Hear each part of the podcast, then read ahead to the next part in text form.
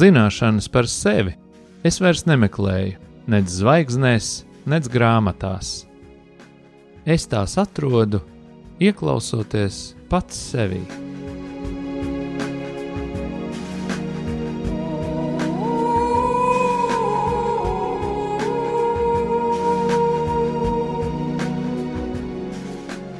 Raidījums Mīlestības terapija top mīlestības mājai, sadarbojoties ar profesionālo pastorālās konsultēšanas asociāciju. Sarunas par sevi, dzīvi, psiholoģiju un dvēseles terapiju.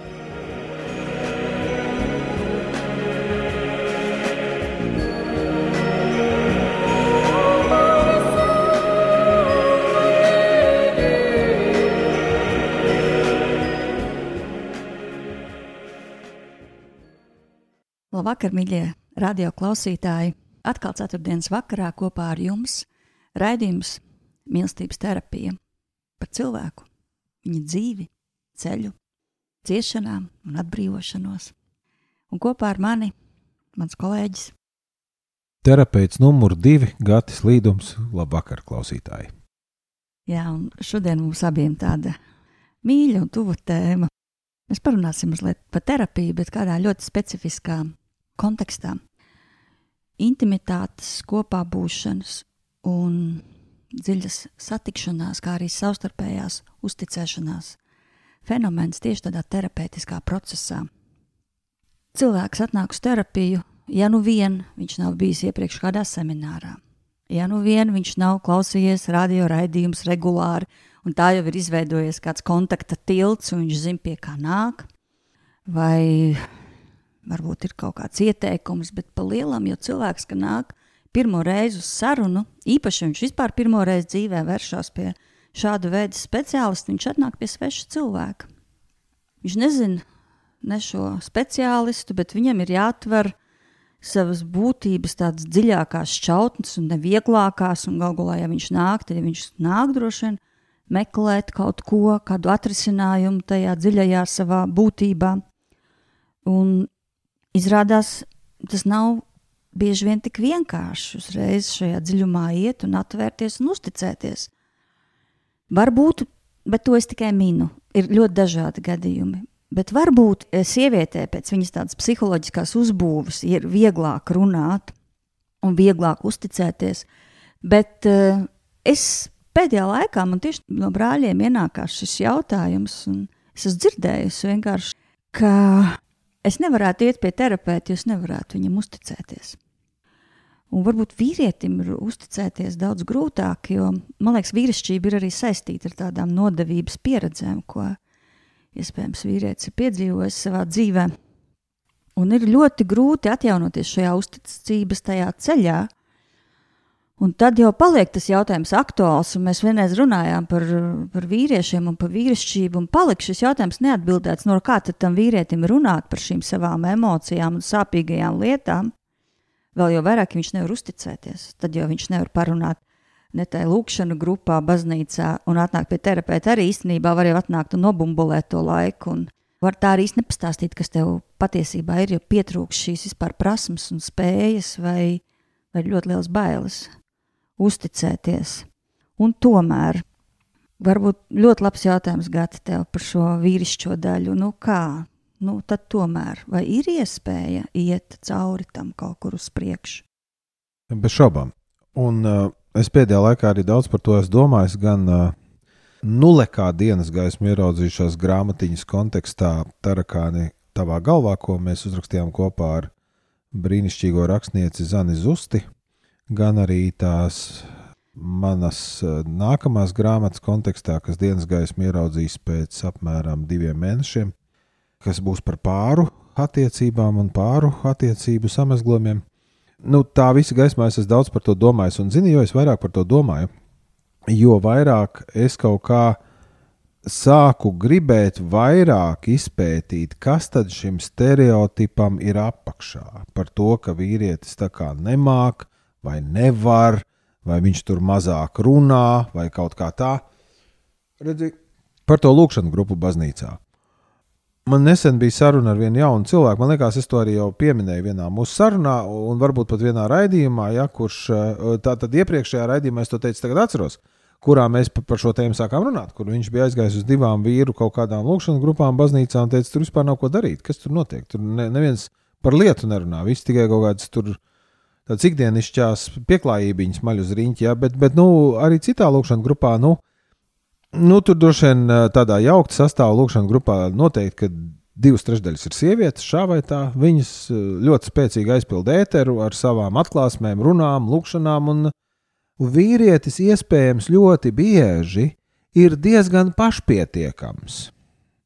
Viņam nešķiet, ka vajag kladzināt skaļā balsī to, kas tāpat jau visiem ir redzams. Varbūt tur ir tā liela atšķirība starp vīrieti un sievieti. Un tad, ja psihologa profesijā vai psihoterapeita profesijā, kur 90% ir sievietes, Latvijā nu, droši paskaties sarakstu, ja? kas sastāv visādu klīnisko un citu psihologu asociācijās un, un psihoterapeitu asociācijās. Paskaties, nu, kāds ir tas dzimuma sadalījums. Vīrieši ir 10% vai mazāk. Tātad šī ir tipiska sieviešu profesija, kurā pēc būtības operē pēc ļoti sievišķīgiem kritērijiem kuri ir, mēs te tagad parunāsim. Nu, kā tu jūties? Un vīrietis varbūt operē pēc nedaudz citiem principiem. Žek, nu kā es jūtos? Kas tu stulbs? Es neredzu, nu tā es jūtos, kā mēs te visi jūtamies. Tas ir acīm redzams, par to nav jārunā. Līdz ar to tur ir tāda zināmā pašpietiekamība, kas reizēm var kaitēt, bet reizēm arī var nekaitēt. Ja? Jo visiem nav jāpauž emocijas, vai lūkšanu vajadzības, vai sazina, kas viss vēl nē, pēc vienas matricas. Cilvēki to dara dažādi. Un uh, vismaz savā saskarē ar vīriešiem es, es redzu, ka viņi runā. Viņi, viņi runā ļoti daudz, tikai to ir jāmāk saklausīt. Jebkurš to var paskatīties, ja ir antropologi un dažādi citi speciālisti, ir novērojuši un izpētījuši, ka verbālā komunikācija no kopējā komunikācijas daudzuma sastāv apmēram 10%. Daži saka, drusciņš zem, desmit, daži saka, drusciņš virs desmit. Ja? Tātad, ja mēs runājam par šo verbalizāciju, nu, kāpēc tie vīrieši nerunā? Tad mēs, vai, vai nu, sievietes, kuras 90% ir psiholoģijas un dažādas tur uh, konsultantes, viņas tā kā mēģina šo vīrieti iebāzt tajos 10%. Nu, runā, es tagad gribu, lai tu runā. Viņš negrib jo viņš komunicē tajos atlikušajos 90 diezgan veiksmīgi. Ja? Viņam ir cita modalitāte, viņa ir tā kā plašāka. Viņš runā ar dažādām piezīmēm, varbūt ar skatienu, ar kustību, ar domām, ar visu kaut ko. Viņš neiespiež sevi tajos nieka desmit procentos. Viņš tālāk iet, plašāk, augstāk, un viņam nav interesanti sevi iespiest šajos desmit procentos, kurus no viņa pieprasa nu, tas modus vivendi, kas ir palīdzošajās profesijās. Nu, nu kā tu tagad jūties? Pastāsti man!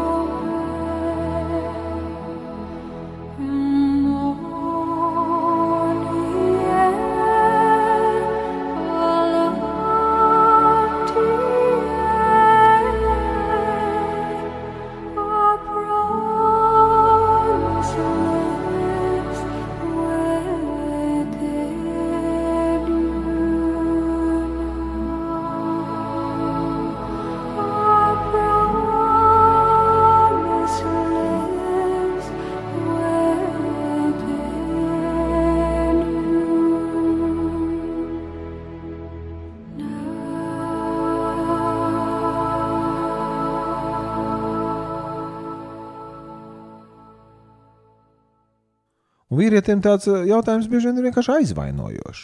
Nu, ko tu man prasi šādas dumjas lietas? Neredz, ka man ir slikti. Nu, tā. Un, protams, mēs varam vērtēt pēc tādiem vispāriem kritērijiem.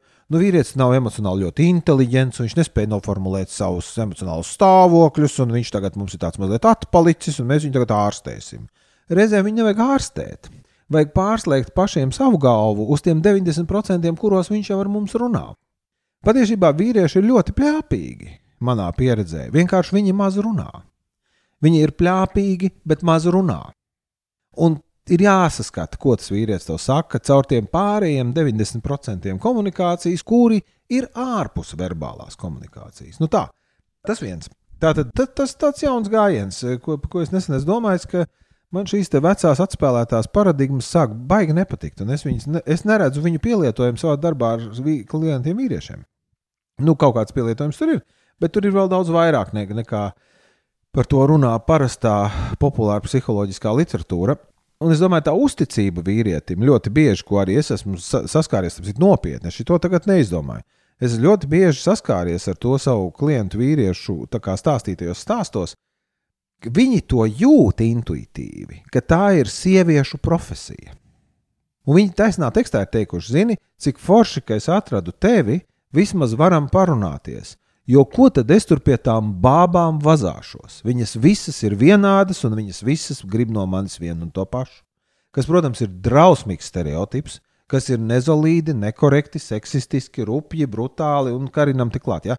Bet tas atspoguļo to, kā tas vīrietis raugās uz palīdzošajām profesijām, uz psihologiem, uz, uz psihoterapeitiem. Nu, tā ir tā bābu profesija. Viņi tieši pāris man klienti lietojuši tieši šo vārdu. Ja? Un, un tad, nu, tad, tad viņi nāk pie manis, un mēs runājam savādāk, un viņi ar mani runā. Un tad man ir jājautā, kāpēc viņš nerunāja to sievieti, pie kā viņš gāja iepriekš, no kuras viņš atnāca pie manis, un pie manis viņš runā. Nu, varbūt tā uzticēšanās arī kaut kādā mērā ir iekrāsota no tādiem dzimumu stereotipiem. Ka šai sieviešu profesijai es neusticos, jo sievietei vispār uzticēties var tikai viegliprātīgais bet ar citu veci es parunāšu. Ah, un ja viņš arī ir šajā profesijā, nu ļoti labi, tad jau viņš droši vien kaut ko zina par to. Nu tā, ja? tā kā arī tas ir jautājums, kā mēs vērtējam to uzticēšanos. Un varbūt tie vīrieši, kas tev ir teikuši, nu mēs jau nevaram terapeitam uzticēties, varbūt viņi ar rindām gribēja te teikt, mēs jau sievietei nevaram uzticēties, jo tā jau ir sieviešu profesija. Tā jau nav vīriešu teritorija. Mums jau tur nav ko darīt. Ja? Uh, un, ja viņiem iedotu cita veida stāstu, ka nē, vecīt, tur ir pilns ar večiem, nu labi, nav pilns ar večiem, mēs esam mazāk kā 10% vispārējos ciparos, nu tā uz, uz aci. Tad uh, varbūt arī tas kaut kā mainītos, bet te ir tā lieta. Ja? Ka, ka, manuprāt, viens liels faktors ir tas, ka visas šīs psiholoģiskās un terapeitiskās profesijas ir kļuvusi par, par tikpat izteikti sievišķīgām profesijām kā bērngārza audzinātāja un bērngārza auklīte. Nu, cik tu esi redzējusi bērngārza auklītes vīriešus? Es nezinu, es nevienu. Nu, psihoterapeitus dažus es zinu, kādus trīs, četrus no mūsu asociācijas. Un tad tas sievišķais diskurss, viņš to vīrieti vienkārši tā kā pašsit malā un saka, nu, vai nu tu runāsi tā, kā man vajag, vai nu nē. Un tad viņš saka, nē, es nerunāšu ar tevi. Tu man tāpat neko jaunu nevari pateikt. Es jau šito esmu dzirdējis. Un tad mēs uzliekam viņam šo stigmu, ah, nu vīrieši jau nerunā, viņi jau neusticās. Viņi patiesībā ļoti uzticās tikai kaut kam citam. Tagad es tev saku, aitināju, es redzu pēc sejas. Tu esi dusmīga. Tu rīktīgi esi dusmīga. Un tagad pastāsti klausītājiem, par ko tu esi tik dusmīga. Nē, es neesmu dusmīga. Es atcerējos vienu, es pat izstrādāju skalu bērnu garīgā intelekta mērīšanai. Un man vajadzēja aptaujāt ļoti daudz bērnu sākuma skolām, no visām skolām. Un es tagad saņemu tās aptaujas atbildes atpakaļ. Un viens uh, puisis ļoti izteiksmīgu anketu man atgriež. Es nebiju personiskā kontaktā ar tiem bērniem, tie skolotāji to darīja. Bet uh, tāds jautājums, vai tu domā par nākotni? Un tas puisis atbild apakšā, nu, bet vēl stulbāk jautājumu nevarēja izdomāt. nu, tā tas apmēram no tās. Es tā ļoti nosmējos, jā, toreiz, un arī tagad, kad tas stāsti, nu, tā ir. Bet uh, gribētu to jautājumu pagriezt, varbūt vēl bišķi citādāk, atkal dimensijā. Nu, labi, bet nu, tiem mūsu brāļiem, viņiem jau kaut kas kaut kur uzkrājās visu laiku. Un tad, nu, tad kad, kā, tad, kad krājās, krājās, krājās, tad vienā brīdī vairs nevar saturēt. Tad tas kaut kur sprāgst ārā, un kā nu kuram tur sprāgst, un citam sprāgst ļoti nesmuki. Cits varbūt, es nezinu, iedzer šņabi un tad kaut kā tur, nezinu, izbļaustās uz ielām. Cits vēl varbūt kādu atrod veidu, iet šauja alņus, un kas varbūt nav pats sliktākais. Bet, nu, ko darīt ar to, to kas uzkrājās, vai tev ir kaut kāds veids priekšiem, nu, kā? Nu, tie ir vīrišķīgā veidā, kā mazināt sevī spriedzi. Zini, nu, tu jau pat arī pateici, ne, nekas jau diži jauns nav izdomāts visā šitajā. Ja? Un, ja sieviete, kur neiet terapijā, mazinās sevī spriedzi, aizejot uz 4,5 stundām un pasēžot frizieru krēslā, kur viņi dabū pilno, ko tur, ko jūs tur dabūnat, krāsošanu, tām folijas, tām cepurītēm un to veidošanu un skruļošanu un visu kaut ko vai arī viņi aiziet uz veikalu un pavada 6 stundas iepirkšanās centrā, rezultātā nopērkot biespienu paciņu, bet viņi ir ļoti labi baudījusi laiku. Es tagad ironizēju, piedodiet, dāmas, ja? tad uh, vīrietim arī vajag tos aļņus šaudzini. Vajag. Ir ok. Bet, nu, tā kā varbūt ieroču atļauju Latvijā dabūt diezgan sarežģīti, un tas ieroču aprits likums Latvijā ir diezgan, diezgan tāds, nu, krāmīgs, tur nemaz ne tik vienkārši nav. Tad eh, nu, varbūt viņš to dara kaut kā savādāk. Ja? Varbūt viņš iet un spēlē regbiju amatieru līgā, kur viņš padauzās ar galvām kopā ar citiem večiem. Varbūt viņš iet un uh, vēl kaut ko izdara. Tādā ziņā liela daļa vīriešu ir tendēta uz praktisko darbību. Es vislabāk varu savas emocijas kaut kādā veidā izlādēt, vai tās eh, pāršķirot kopā ar citu veci, rokot pamatu bedri kūtī. Mm? Un tad mēs tā forši četras stundas rokām bedrē lāpstām un, un tur mēram kaut ko un tā. Un, un tad mēs viņu esam izrakuši, izkāpjam, mums kaut kā ir labāk, bet mēs par neko neparunājām. Bet palika labāk. Ja? Vai arī mēs tur pa vidu lāpstu vicinot kaut ko arī parunājām. Bet tas nebija tieši tā, burtiski, nu, kā tu par to jūties. Nē, nē, nē. Mēs ar pusvārdiem, ar humoriņu, ar rupjām anekdotēm, ar vēl kaut ko Bet mēs esam parunājuši, un pēc četrām stundām rokot bedri un bārstoties ar jāliem jociņiem, mums paliek vieglāk. Tas tas mehānisms, kā tas strādā. Vīrietim, lielai daļai vīriešu ir kaut kas jādara, un caur to darīšanu viņi tādā veidā viens otru atbalsta. Nu, un otrs, teiksim, varbūt tā būtu tāda mazākā daļa, tāda īpaši intelektualizēta daļa, nu viņiem atkal ir ļoti svarīgi domāt un pierādīt, ka viņi ir domātāji. Nu, ka viņi spēj uzrakstīt tādu maktens, savērptu un saviļātu rakstu Rīgas laikā. Nu, un tad citi vīrieši lasa un saka, wow, šī tas džeks māca runāt, wow, ja. Labi, labi, tur var teikt, ka viņi mērās ar kaut ko vai kā. Bet nu, vīrietim vajag kaut kādu, e, viņam vajag sasniegumu, viņam vajag panākumu, viņam vajag kaut ko, es varēju, es izdarīju, un caur to man palika labāk. Un jā, liela daļa vīriešu varbūt labāk roka bedri vai šauja aļņus un dabū to foršo emocionālo līdzsvaru, un cita daļa varbūt sēž bibliotekās, lasa foliantus un, un, un varbūt raksta kaut kādus marginālus filozofiskus rakstus kaut kādos patiešām marginālos izdevumos, un, un, un viņiem no tā paliek labāk. Un tātad, nu, ko darīt? Ko vīrietim darīt? Atbilde ir darīt. Un, ja vajadzēs, arī parunāsim dari. Un viņš to saprot, viņš jau intuitīvi tam ir uztaisīts. Viņš to arī ļoti labi dara. Ja? Nu tā, atkal es redzu, tev nepatika. E, tev nepatika, bet varbūt arī tev patika. Es tikai tev nepareizi nolasīju. Ja?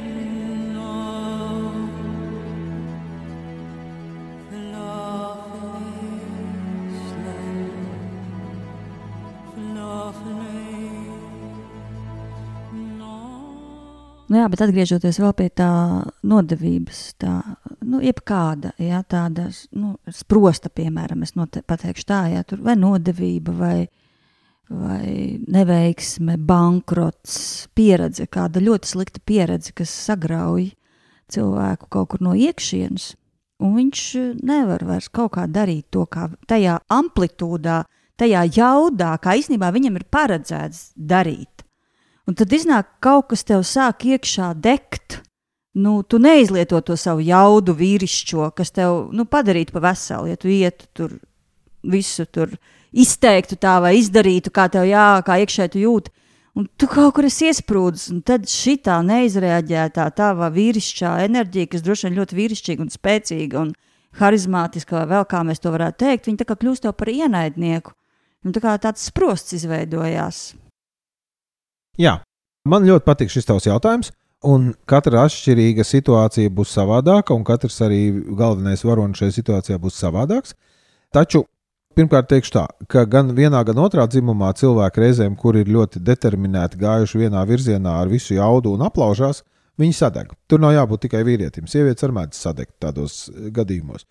Un, un ja tas cilvēks ir sadedzis vai aplausies tādā veidā, nu, kad ir tas bankrots vai kaut kas, un, Es visas uh, olas liku vienā groziņā, un groziņš tagad nokrita, un visas olas sasitās. Ja? Tad uh, jā, tas ir ļoti, ļoti sāpīga pieredze un, un ļoti traumatiska pieredze, bet vēl ar vienu atbildi ir darīšana. Vai nu tu sēdi mājās un sāc lēnām nodzerties pa pēdējo naudu, un tad, kad tu esi pilnīgi sadzēries, tad tu aizies un izdari kaut kādas rīktīgas muļķības, kuras vairs nevar izlabot pēc tam. Vai nu, un šī ir publisks stāsts, un man viņš ārkārtīgi patika. Stāsts ir par sporta ziņu komentētāju televīzijā Lauri Lisbovski. Man liekas, ka tas bija tas puisis.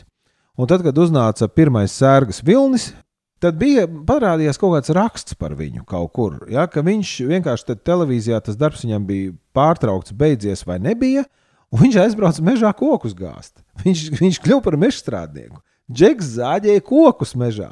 Un tajā rakstā vai tajā reportāžā, kas tur bija, viņš teica, ka vispār viņš jutās ļoti labi ka sākumā bija bijis grūti fiziski, bet nu jau ir piešāvies, un nu, tie koki nāk lejā ritīgi ātri un ir ļoti forši sajūta. Un tagad nesen, kaut kādā dīvainā kārtā, es vispār cenšos televīzijas to produktu nepatērēt, jo tas man nomāca un dara galvu smagu, gluži kā tāds nekvalitatīvs vīns. Bet kaut ko es nejauši redzēju, viņš atkal ir televīzijā, viņš atkal lasa ziņas. Un es domāju, ka tas ir tāds ārkārtīgi skaists piemērs. Ja? Nu, tu zaudē televīzijas diktora darbu, Un tu ko dari? Nevis tu tur kaut kā gaudo vai, vai ej ar pastieptu roku kaut kādus pabalstus prasīt, kurus tev pēc tam atkal paprasīs atpakaļ, kā bija iepriekšējā epizodē. Tu vienkārši nospļaujies un kā īsts vecs aizēji mežā kokus zāģēt. Un tad, kad uh, situācija mainās, tu esi atpakaļ smukā uzvalkā televīzijā. Nu, te, nu, te ir tas, vai ne? Ka pat ja tev ir ļoti grūti, un ja tu esi ceļa galā un tu esi bedrē un tā, nu, no tās bedres varbūt arī var izkāpt vairākos veidos ārā. Nu, tas ir iespējams, varbūt. Un būs gadījumi, ka tas nav iespējams, un tas būs tas dabiskais atbirums. Pat čempionu vienības sportā kādreiz kādam zaudē. Ja? Pat eh, lielākie rekordisti kādreiz kādam zaudē. Nu, tenisā zaudē pat Federers, Džokovičs un Nadals. Jā, viņi ir nu, superčempioni, un viņiem ir medaļu spaiņi mājās, bet viņi šādi zaudē. Un, un, un tā gadās, tā kā ne visi vienmēr vinnēs, bet galvenais ir iet pareizajā virzienā. Un galvenais ir, ir, ir pareizi kustēties. Un, un, un tad mēs zinām, ka mēs darījām visu, ko mēs varējām, bet nu, kādreiz arī nesanāk. Tā kā kaut kāds procents būs uz atbirumu rēķina.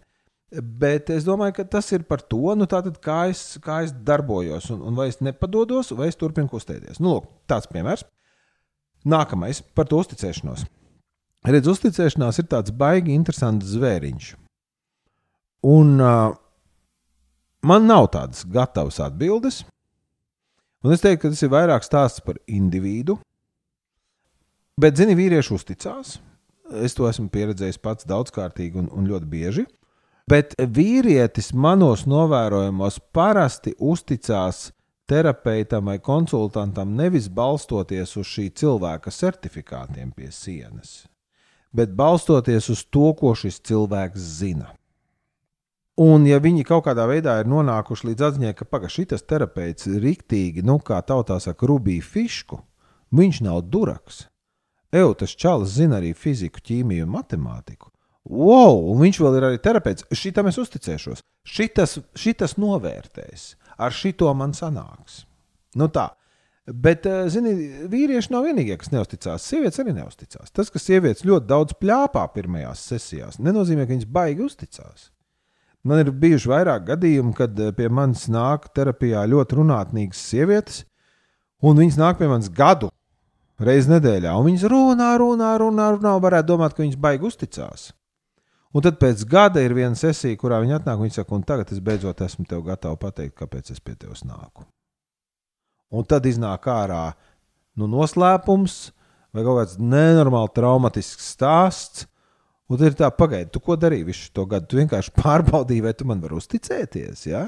Tiešām, jā, tiešām. Tas, ka kāds baigi daudz plāpā no pirmās reizes, nenozīmē, ka viņš to uzticās. Viņš to varbūt pārbauda. Vīrietis pārbauda no attāluma, vai man ir vispār vērts pie viņa iet. Sieviete varbūt pārbauda klātienē, daudz runājot. Un tad pēc gada viņa saka, un tagad es esmu gatava tev pastāstīt, kāpēc es pa īstam atnācu. Zini, lieta ir tāda. Un tad es, eh, protams, es cenšos, nu, es arī to daru. Es noklausos ļoti empātiski un arī pieņemu šo stāstu, bet kaut kur man ir tāds brīnums, Nu, vai tiešām es esmu tik glumšs un neusticams tips, ka tieši gads bija vajadzīgs, lai man uzticētos, reizes nedēļā tiekoties? Bet tas nav ne par glumšu, ne par neusticams. Tas ir par to, kā kurš cilvēks, ko viņam vajag, lai viņš uzticētos. Katram kaut ko vajag. Un varbūt vīriešiem vajag kaut ko bišķi citu nekā sievietēm. Varbūt. Bet nav neviens mēnesis instruments, ar kur tas būtu tā izmērīts. Līdz ar to es aicinātu nevis pārināt, bet arī nu, nepārāk viegli pieeja šim jautājumam. Katram cilvēkam ir vajadzīga savu pieeja. Katram podiņam ir savs vāciņš. Tā kā es aicinātu, nu, tā kā nestereotipizēt, nu, kas sievietēm tā, vīriešiem tā. Jā, šis tas ir atšķirīgi, šis tas nav atšķirīgi. Cilvēks ir svarīgs, nevis dzimums, manuprāt. manuprāt. Zinu, ka tā arī ir ļoti skandaloza tēze jau mūsdienās, jo tiek uzskatīts arī pretēji, bet nu, es palikšu pie tā, ko es pateicu. Jā, nu tā kā brāļi, turiet, turi roku uz pulsa. Tas nekas, kad ir bedre, Tas nekas, kad ir bankrots, turi roku uz pulsa. Kaut vai tev mežā jāgāž koki, būs viens brīdis, kad tu varēsi revanšēties dzīvē. Vienkārši tur ir rokas pulss. Nu, ko, bet tagad sagatavosim sirds lūkšanai. Un lūksim par vīra sirdi. Jā, labais debes Tēvs radītāji, gādātāji, sargātāji. Šajā vakarā mēs arī lūgsim tevi par vīru sirdi. Un netērējot daudz vārdus, to arī pienesīsim un noliksim tā priekšā un lūgsim, lai tu pieskaries, lai tu piepildi, lai tu stiprini, lai tu dziedini un lai tu dod uzdrīkstēšanos, nebaidīties. Lai tā sirds ir tāda smuka, tīkama tās īpašniekam, un par prieku visiem apkārtējiem, ar kuriem tā sastopās. To mēs tev lūdzam Kristus vārdā.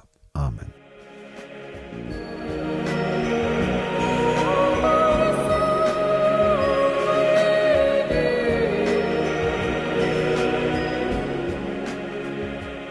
Jūs klausījāties raidījumu mīlestības terapija. Raidījums var noklausīties Radio Marija mājaslapas arhīvā un YouTube kanālā Mīlestības māja.